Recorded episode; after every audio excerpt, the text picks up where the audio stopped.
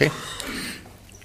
Uh, thank you for the introduction. Uh, uh, Jarl uh, said I should say something about where I come from in, in the United States. I'm a native of North Carolina, which is down on the southeastern coast, grew up there, and uh, my parents still live there and have brother and sister and their families. And uh, he mentioned the Norwegian connection. I should say that until about three months ago, I assumed that I was pretty much a pure blooded German. My father's uh, side of the family came from Silesia, which was German at the time, now uh, Poland. But my sister over Christmas um, had one of these DNA tests, and it uh, said we're about, uh, what's that? We're about 40, about 50% German. Um, and um, and uh, probably 30% Scandinavian mixed. So maybe there's some Norwegian in there somewhere. And um, the other uh, the other point that I would make to plead my case, uh, I lived among the Norwegians for 17 years in Minnesota. Jim Nestingen being chief of sinners, you know, there. Uh, and uh, uh, Jim and I have known each other since 1984. Uh, he was at Luther Seminary at the time, and I was pastor of the student congregation at University of Minnesota. And uh, we've had many, many good uh, times together uh, since those since those early days, and it's a delight to be with him here at this. conference, as well as collaborating with him on this law gospel book. And I am really uh, delighted, uh, as I said, to be here. I, Jarl invited me uh, probably al- almost 18 months ago, and, um, and I've been looking forward to it. It's uh, kind of a highlight, I think, of my summer after being uh, away from our campus a lot, teaching in South Africa last couple of weeks, then being home for three days, coming out here. And I'll go back on Monday, start classes on uh, on Tuesday. So this is uh, really kind of a great dessert for me to be here. And it is the end of the day, and I'm the caboose, I think, on a very long train. And uh, that train has uh, delivered a lot of good stuff uh, today, and I'm uh, grateful to be on the receiving end of that. And I would like to take this last period to um, offer some reflections on Martin Luther the pastor. Uh, Martin Luther as Seelsorger, a caretaker of souls. And um, we often, I think, uh, really don't consider the fact that Luther was a pastor. Of course, we know that he was ordained as a priest, um, set apart in his Augustinian uh, order, uh, and tasked with all kinds of pastoral responsibilities, but he was not a pastor in the sense that he uh, served a congregation or a parish. Uh, he was called uh, as, a, um, as a teacher of theology, doctor of the church at this uh, upstart university in out of the way Wittenberg. But as a good uh, priest, he would take his turn preaching uh, certainly, as a priest, he would have to celebrate uh, the Mass. He would also take his turn listening to confession. And I would uh, suggest to you that, you know, with all the images that we have of Luther, we ought to add this uh, additional image Luther the pastor. Uh, not only Luther uh, the monk, there in the Augustinian cloister, uh, not only uh, Luther, the teacher of the church, the theologian, holding forth from the lectern and busily writing commentaries and treatises and addressing uh, critical issues of Christian theology, and not only Luther, uh, the heroic reformer, uh, standing there at the Diet of Worms, um, unmovable, kind of a mighty fortress picture that we have of Luther, but also Luther the pastor.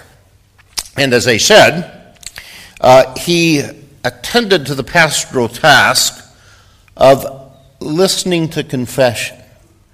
And that's where the rub actually comes in. Um, people are coming, making their uh, confession, and Luther, of course, at this time is a pretty traditional Roman priest, and so he works with an understanding of uh, kind of three parts of confession.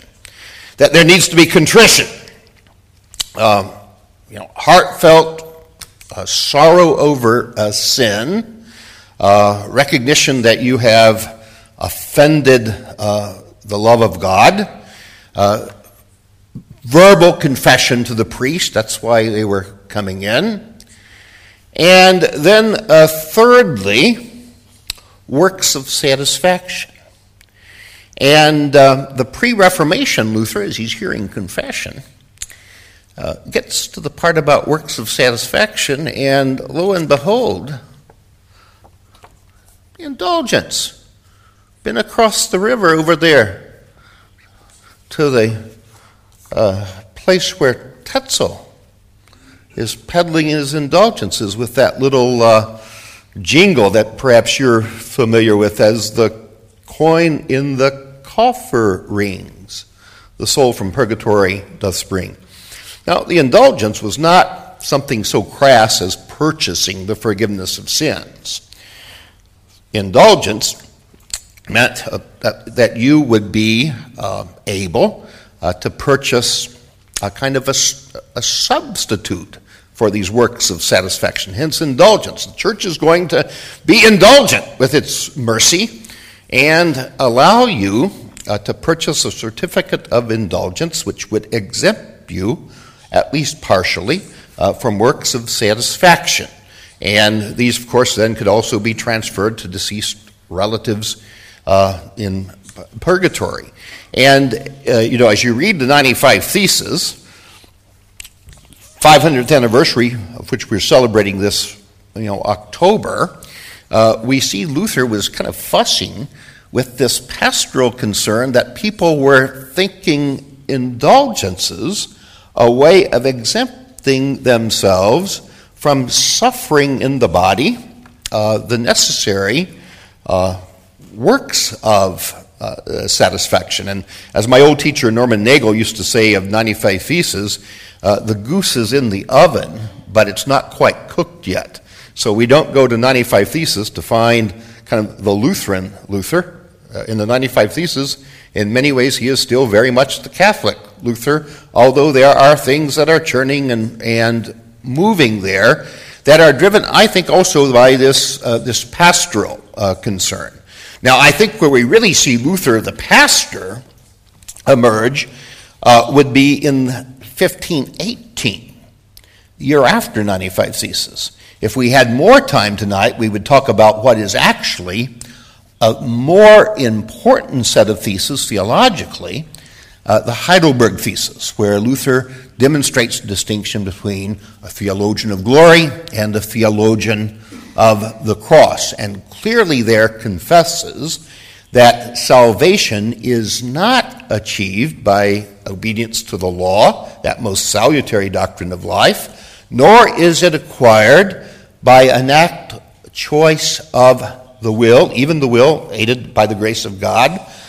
But salvation is accomplished by the Christ who gives himself over into our death uh, to suffer death on the cross, and in that death to reconcile sinners to his Father. But also in 1518, uh, Luther begins to, again to preach, and he preaches sermon on indulgence. And Oswald Bayer identifies as kind of Reformation breakthrough uh, the way that Luther comes in 1518 to speak about what the absolution does. You'll recall in my description of confession in the Roman system, uh, there was no mention really of the absolution.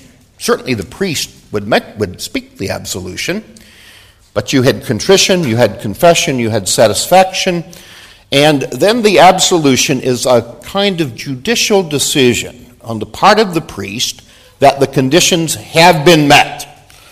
But the absolution is still descriptive. It's not doing the forgiveness of sins. The forgiveness of sins is done internally as these other three conditions uh, have been met. But Oswald Bayer points out that in 1518, Luther begins to talk about the absolution as a, a word from God where God is actually in the word of the priest forgiving sins. And that's the task of the pastor, the preacher. Uh, God has put into the preacher's mouth uh, this word of the gospel, a word just as powerful, yea, even more powerful than that word that God uttered at the beginning when he said, Let there be light. In fact, Luther compares uh, a person being brought to faith through the word of God with that primal miracle of God calling light out of darkness, God calling creation into existence, ex nihilo, uh, out of, uh, out of nothingness.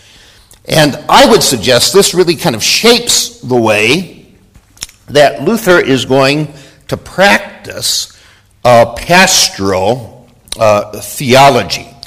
Now, I would like to make a couple of um, comments uh, as to kind of how Luther uh, develops as a pastoral theologian, and then as we have a little time, maybe look at some specific cases kind of case studies of pastoral care uh, from Luther's own, uh, from Luther's own uh, playbook. Um, one of the places where we see Luther working as a pastor is actually in the preface to his 1520 essay, treatise, on the freedom of the Christian. Do you know who he, who he dedicates that little booklet to? Pope Leo X. And the preface is a marvelous piece of pastoral writing. He basically says to Leo, You're not a bad chap. You have bad advisors. They've led you astray. But I'm here to care for your soul. It's pastoral polemic at its best. Uh, he goes on the attack of everything that the, the Luther had diagnosed being wrong in the Roman church but he's coming at it as one who wants to be the Pope's pastor. Huh? And, um, and, and, and you see in that little preface what Luther is doing in, in trying to call the Antichrist to repentance and faith. Uh, and of course, freedom of the Christian uh, was alluded to earlier today uh, where Luther talks about the fact of the Christian's existence, drawn outside of himself, faith in Christ, and lowered by love into the life of the neighbor. And for Luther, the pastoral task was to address anything that blocked either faith in Christ or love for the neighbor. And that's what you really see Luther doing, I think, in, uh, uh, in his, uh, what I'm going to call his, his pastoral uh, writings. A couple of other kind of preliminary remarks about Luther as pastor. Um, I can't really do a lecture again without quoting Sasse, and I do that unashamedly. But um, one of Sasse's late essays, wrote it in 1968, marvelous little piece, prophetic in many ways, was entitled Luther, Erasmus, and Modern Christendom. And in that piece, he plays around with the question why was it that Luther became the reformer of the church and not Erasmus? He said if you were looking at things from the perspective of 1517, um, if you were a betting man, you would put your money on Erasmus. Suave, son of a priest, well connected, uh, not going to upset church leadership. Uh, Luther, kind of a boorish, beer drinking, uh, you know, son of a middle class miner, uh, academic in a maybe an overrated community college in Saxony. But it's Luther, he says, who became the reformer of the church. And Sasse has this one interesting thing than to say about Luther, Luther doing this as a pastor. he turn, uh, Sasse turns to Luther's great diatribe against Erasmus on the bound will, and he said that debate was between a philosopher who was out to win an argument, Erasmus, and Luther, a pastor who was out to console troubled consciences. And that Luther precisely became a reformer because he was a pastor. He had this desire not simply to change the church or reform the church, that's really secondary. He wanted to reform preaching and pastoral care so that broken sinners would have no place other to turn than Jesus Christ crucified and raised up from the dead. And that's what sets the Reformation off. And that's what Luther does uh, as, a, um, uh, as, as a pastor. Now, if we had more time, I would talk about uh, catechism as kind of framework for pastoral theology in, in Luther's, uh, uh, in Luther's career. Catechism, remember, first draft comes out, wall charts, so that the head of the household can teach it to his family. January 1529, and it is a pastoral response to the Saxon visitation. Good God, what wretchedness I beheld! People live like common pigs. And even though they are baptized and take the Lord's Supper, they don't know the Ten Commandments, the Creed, or Lord's Prayer, and the priest or the pastors aren't much better. In fact, uh, after the Saxon visitation, about a, between a third and a fourth of the pastors in electoral Saxony had to be dismissed. Yeah. Uh, pretty bleak. And yet Luther does not uh, despair. It sets out with this pastoral task of preparing a catechism so that pastors could teach the adults, and then the head of the household could carry it in to his, to his family. Um, the great scholar of Luther's catechisms from the last generation, uh, Albrecht Peters, says that Luther's catechism uh, had what he calls four dimensions. And each of these dimensions reflects a different aspect of Luther's understanding of, of pastoral care, I think. First dimension, I'm just going to kind of summarize this uh, here tonight, that the Catechism enunciates the spiritual core of Scripture, to use Peters' words, not as the insights of a spiritually gifted individual, but by means of text that have prevailed in Christendom. Well, what text does Luther use when he writes the Catechism? He doesn't come up with something novel. Ten Commandments, Creed, Lord's Prayer, the words of Jesus instituting baptism, and the words of Christ that give us his body and blood. Uh, text that everybody would have at least had some familiarity with. Uh, these texts are the texts that shape and form the Christian life as one of repentance, of faith, and vocation. Secondly, uh, Peter says that the catechism looks at the concrete daily life of the simple Christian in terms of his calling and estate.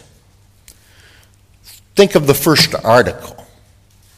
He has made me and all creatures. And what has he given me? You know, body and Body and soul, eyes, ears, reason, all my members. Um, and house and home, wife and children, you know, land, animals, all that I have. Uh, squarely, the Christian life is lived in creation, where you're connected uh, with other people. And then Luther will come back to that uh, in the table of duties at the end of the catechism, which I'm going to say more about tomorrow when we talk about uh, three estates and two kingdoms. Uh, but looking at the Christian life in its very mundane, earthly kind of form, in the home, uh, in the congregation, in civil uh, community. And then uh, four, um, Albrecht Peters notes that the Catechism moves Scripture, the confession of the church, and our daily life into the light of the last day. You know, a pastor is always looking at things with the eschatological horizon in view. We think of the beginning of Luther's Invocavit sermon, first of the Invocavit sermons, 1522. You heard a bit about that from Jim this morning. You know, he comes back after Karlstadt has really messed things up at Wittenberg, and um, Luther mounts the pulpit. And you can imagine the congregation there. What is he going to say? Is he going to excoriate Karlstadt? Is he going to approve Karlstadt's methods? What exactly is Luther going to do? And in a move of absolute rhetorical homiletical brilliance, Luther doesn't go there. Instead, remember how he begins that sermon? The summons of death comes to us all, and no one can die for another. For everyone must fight his own battle with death by himself alone. Therefore, everyone must for himself know and be armed with the chief things that concern a Christian. And what are those chief things that concern a Christian? The Ten Commandments, the Creed, the Lord's Prayer baptism, absolution, sacrament of the altar. Uh, being armed with the chief things that concern a Christian. Um, Oswald Bayer has observed that there's a great difference between Luther's understanding of theology and the understanding of theology that had been there in the medieval tradition, uh, mediated through Anselm. So that Bayer says for Anselm, theology is faith seeking understanding. That's kind of that's the language that Anselm uses. But for Luther, theology is faith enduring attack. Faith enduring attack. Luther called it Anfechtung. And it's experienced by the preacher by the hearer. And the task of preaching, task of teaching catechism, is ultimately to equip Christians to withstand the attack the world, the flesh, and the devil, and especially the struggle that ensues in the face of death, uh, in face of death itself. And I want to come back to that in a, a few minutes. But the Catechism for Luther really does provide a framework for his pastoral care. It gives him a common language. It's the language that grows out of the Scripture, preaching, a language that enables pastor and, and congregation member, Christian, to speak with one another, to confess sin, to hear the word of absolution and to be equipped with the word of God uh, in the face uh, in the face of attack. If we uh, think about places in Luther where we might turn to get kind of picture of his pastoral care, um, you certainly see it in his sermons, occasional writings. Um, we see it in the to table talk also. In fact, oftentimes the uh, table talk conversation was between Luther and students, and all kinds of spiritual and theological questions would come up that Luther would, uh, uh, would address. But I would suggest, probably more than any place else, we see how Luther functions as a pastor in his letters. Now, in the uh, Weimar edition of Luther's works, we have somewhere around 3,000 extant letters from Luther's pen. Some just short little notes, others multiple, you know, pages. Uh, some intended for one single individual, others intended for a single individual, but then Luther obviously wrote them as kind of an open letter that could be uh, used by other people in similar uh, circumstances. And uh, one of the things I did in the uh, Luther, the Preacher of the Cross book, which is on Luther's pastoral care, is to study the letters and uh, try to draw some connections between Luther's letters on these spiritual issues and um, uh, ways that these issues continue to resurface in the life of contemporary Christians and therefore uh, in the lives of uh, or in the work of pastors who take care of Christians. And um, let me just talk about a few of the different kind of categories here in the uh, half hour or so that we have uh, left uh, this evening. Uh, Luther writes a number of letters to people that we would say were anxious.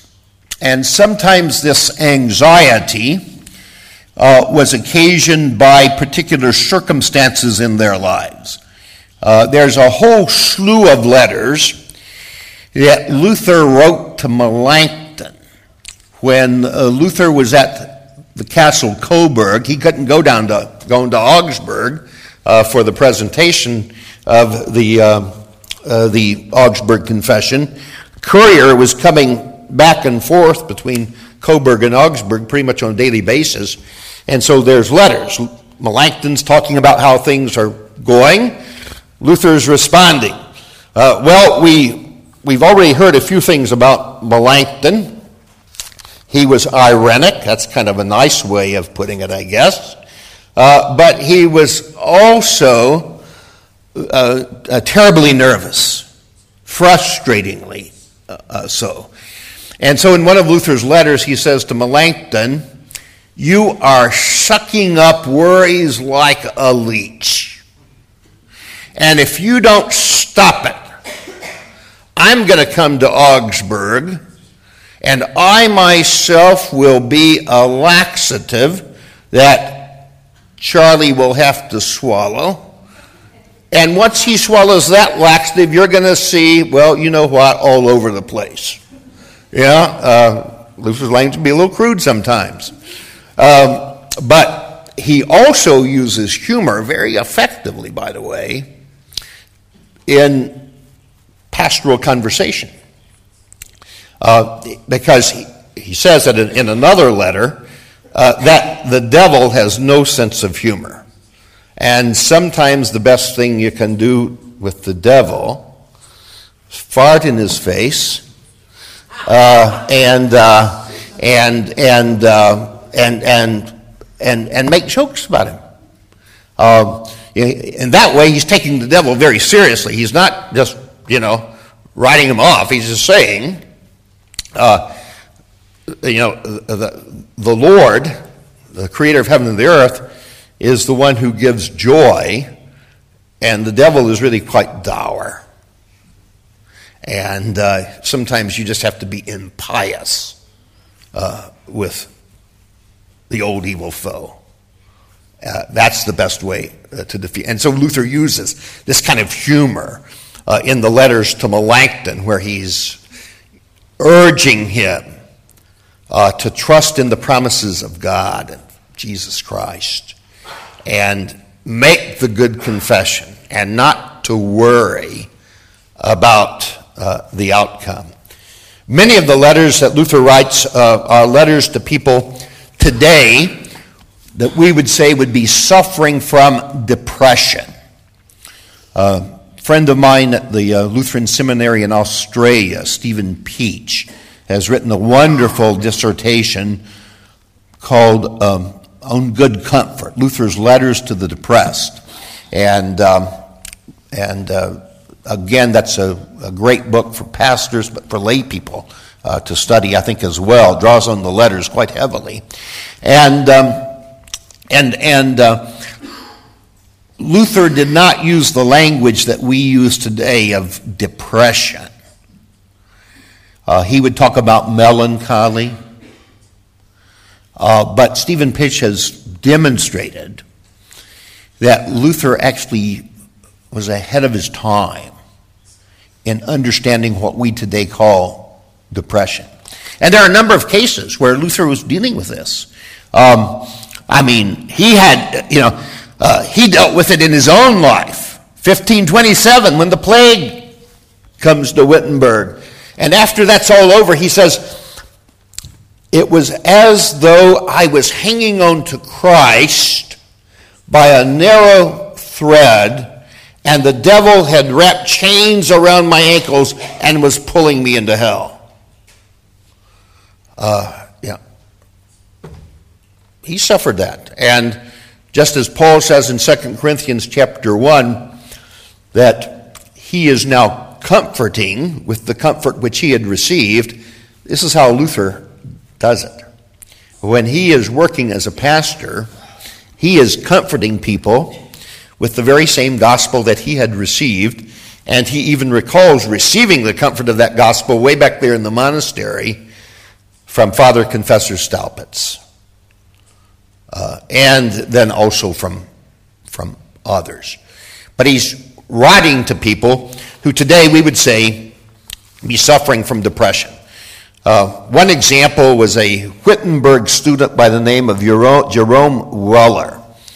Uh, Weller came to Wittenberg as a young man to study law, uh, had a switch to study theology, and was a tutor for Luther's children lived in the Luther household for a number of years, and um, suffered from bouts of depression. Uh, severe depression that would uh, uh, perhaps even, we would say, be suicidal. Questioning whether God had cast him off or not. Uh, darkness and uh, Luther is away at, uh, again at, at Coburg and he writes back to Weller. And he uh, gives some very practical advice flee solitude, don't hold yourself up in a corner by yourself. Go out, have a good time, uh, socialize, listen to music, you know, drink a beer, jest with your friends. Maybe even just sin a little bit to show the devil that he's not in control. Uh, sometimes people get really offended against with Luther. And he said, and when Satan attacks, set aside the Decalogue and run straight to the gospel. Don't try to debate with Satan. You're not going to win that argument. Just plead the righteousness of Jesus. Throw baptism in Satan's face. Uh, Trust the blood of Christ. Know that you're not alone. And, and, and Luther writes not one, but several letters to Jerome like this. Or another letter he writes to a young prince, Joachim of Anhalt, Christmas Day, 1535. Uh, this young prince, again, had been going through a, a spell. Several letters actually go between Luther and the prince of melancholy, and Luther reminds him of the gospel, the Gloria in Excelsis being sung on Christmas Day. That God has actually come down into human flesh, peace on earth. Uh, set your heart on that baby of Bethlehem. Uh, don't turn inward to your own morbid thoughts, feelings. If you have the doctrine, Luther says, uh, who cares about how you feel? Just trust in Christ's promise. That's going to be strong enough uh, to pull you through.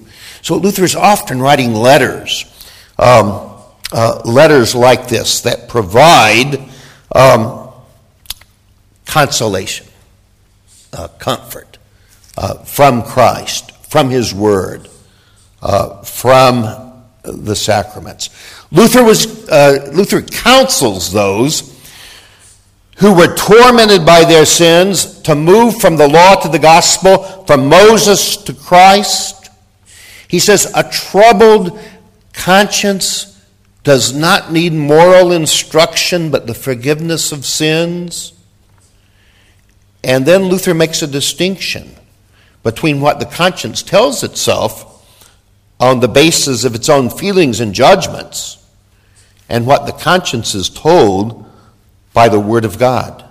Luther wants to bind the conscience to the gospel of Jesus Christ. For in the conscience there is only one driver's seat, and that seat cannot be occupied by Christ alone. Uh, the law has to finally be silenced there, uh, for the law does accuse and the law will give no rest or peace. And so he doesn't counsel people simply to try harder. No 10 tips or techniques to achieve peace of mind. He simply hands over Christ and Him crucified. And we are to believe this gospel even when it is contradicted by our own sinfulness. There are letters also for the doubting and despondent. Uh, we've talked about freedom of the will a bit and election. You know, election is that doctrine that the old Martin Franzmann, the Missouri Synod theologian of the last generation, said has broken many a heart and many a mind. Uh, but Luther saw the doctrine of election as a corollary of the forgiveness of sins. And the seat of comfort for the Christian. It's not a matter of speculation, it's a matter of taking God seriously with His word of promise You are mine, and nothing in all creation will be able to separate you from my love. Uh, that Satan and all his forces will not be able to pull you from my hand. And so when one lady, actually a relative of this Jerome Weller, Barbara Liskirchen, uh, sister in law of Jerome Weller, uh, is troubled by election. Am I among the elect? Am I saved? Would be, I suppose, the way we might hear people put it uh, today.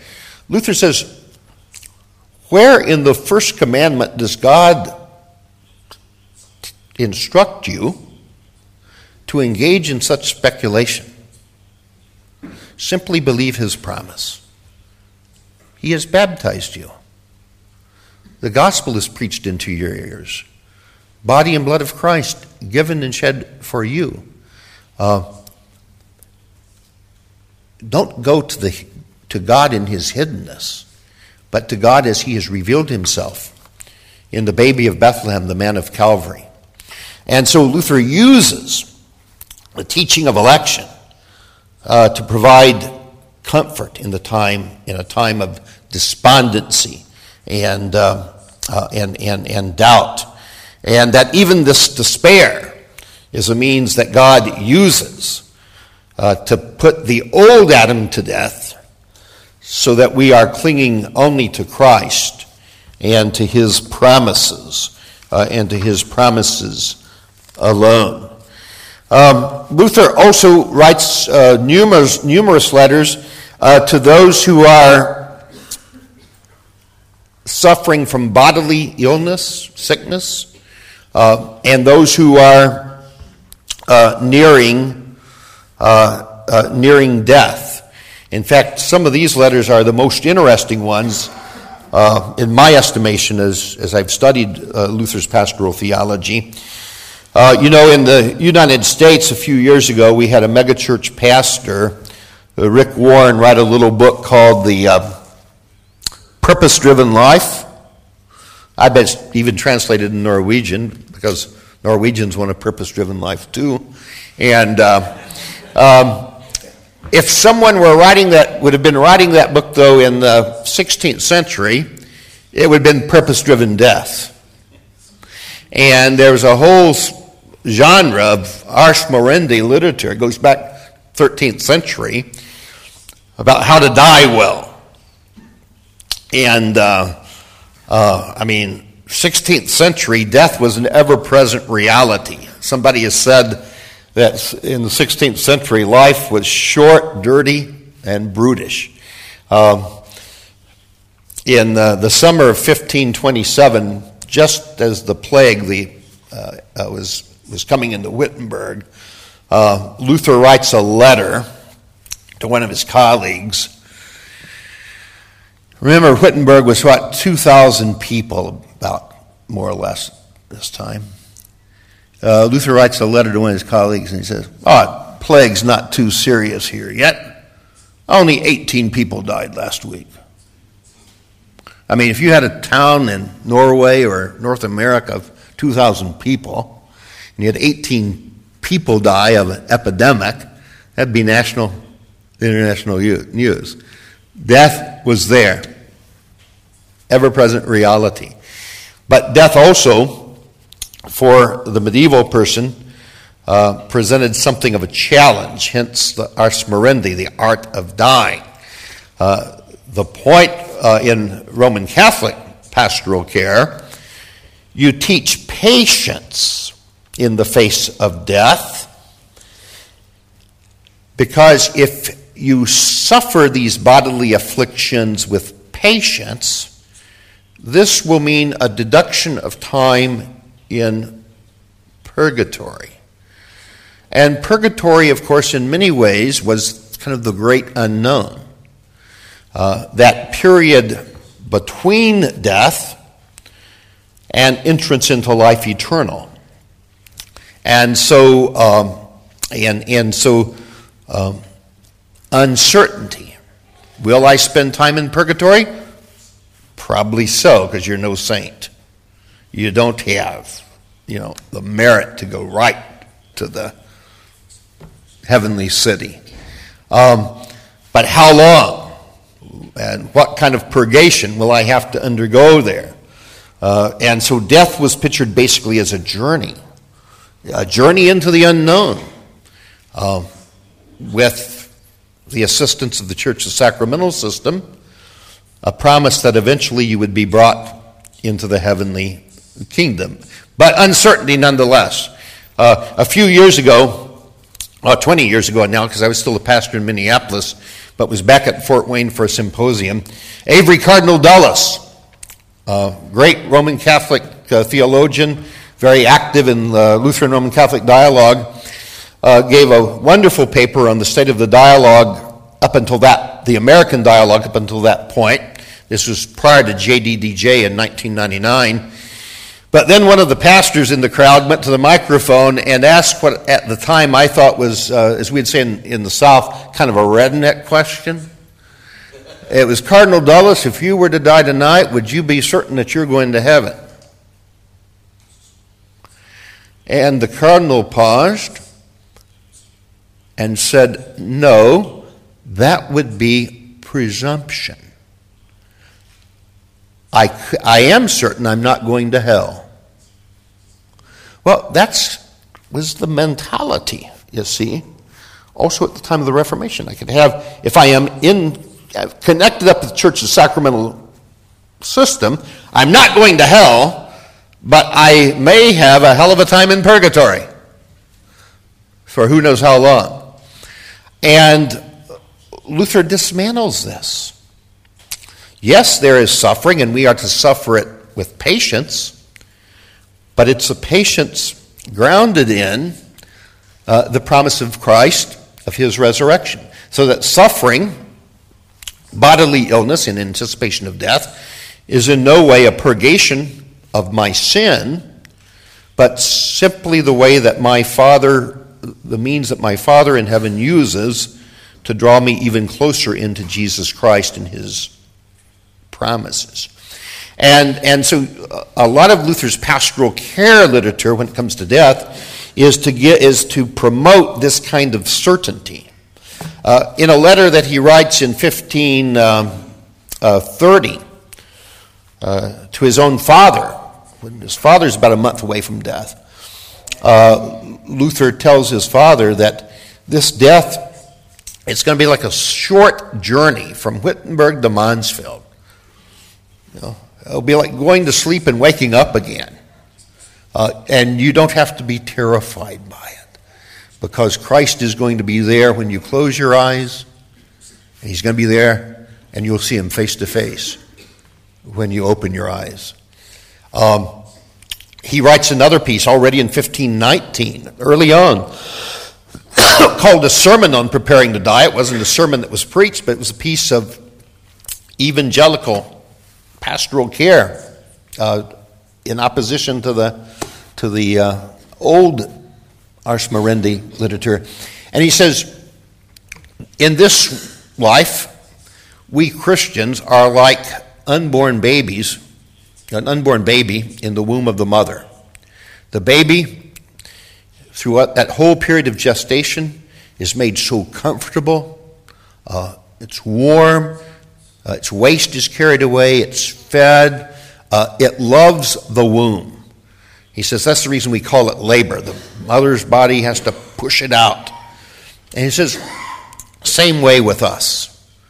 We are confined to the narrow womb of this world. We cannot imagine the glories of the kingdom of Christ's resurrection any more than that baby in the womb can imagine a world of light depth and sound and texture. And we will eventually be pushed through the narrow birth canal of death.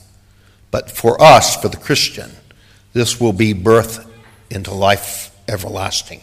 And so he uses this vivid kind of imagery to provide comfort uh, to those who are dying.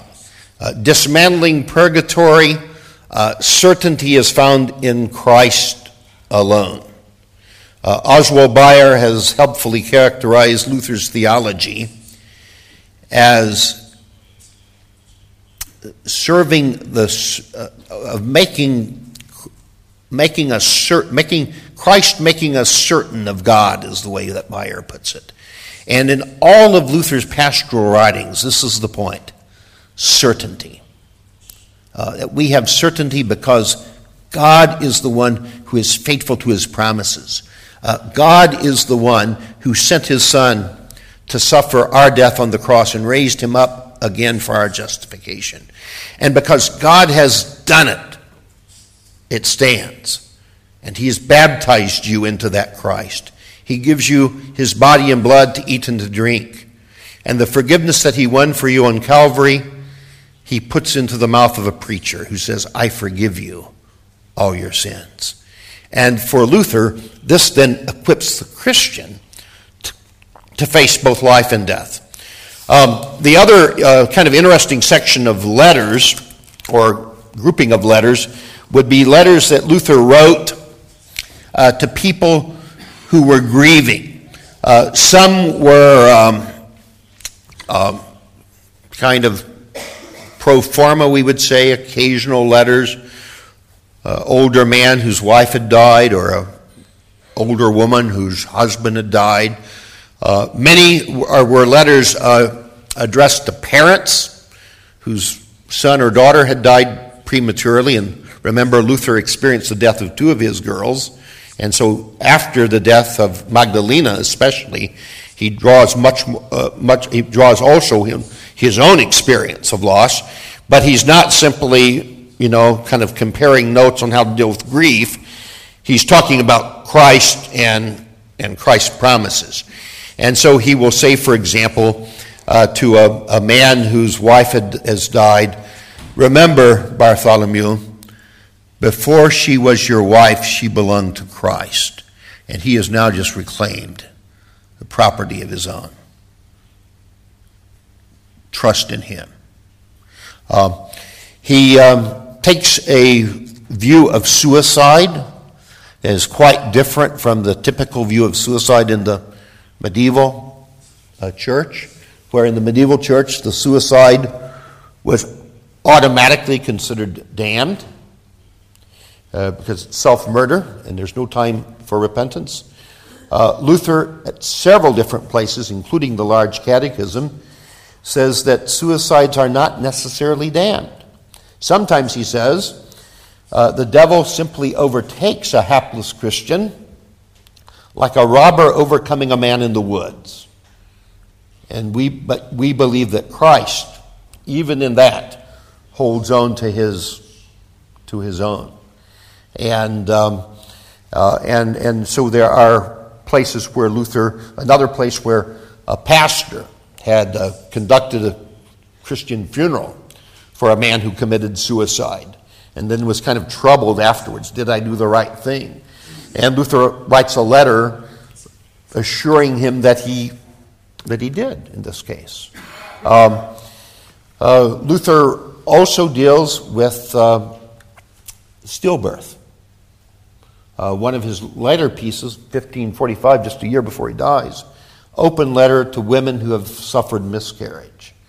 And of course, there the worry was, one of the worries was, the child died in the womb or in the process of birth or shortly after birth where there was no opportunity for baptism.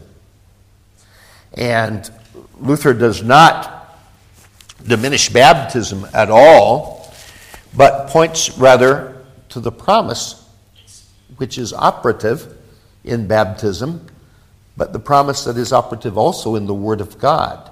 And he reminds these women who had had miscarriage that during the days of their pregnancy, they had implored God for the well being of their child. And now we must simply trust uh, this little one into God's hands, trusting that even though the child was not baptized, uh, God is faithful and true to his, to his promise and will not turn away those who have cried unto him. And, and so in these letters, you see, I think, uh, not so much a different side of Luther, uh, but a dimension to Luther that we've sometimes overlooked. The way that Luther was actually using this evangelical theology for consolation, for comfort, uh, for guidance. And again, there are many other uh, uh, cases here we could talk, we could have talked about, but trying to keep things down into a one-hour uh, a time limit, I've just zeroed in on these uh, these these few uh, episodes of pastoral care in Luther. Uh, tomorrow, I want to pick up with the aspect of vocation and actually see Luther's pastoral care applying to uh, the Christian in his or her vocation in the three estates and two kingdoms. And then Sunday morning, we'll pull back and look at uh, Luther on, uh, on, on worship, on liturgy. And uh, I think see some common themes there as, as well. But it's already a bit past uh, nine, and I, I think the intention was for me to limit this to an hour, and so I'm going to do that. Uh, thank you for your uh, attention, and uh, look forward to, uh, to visiting with you individually if you have more questions.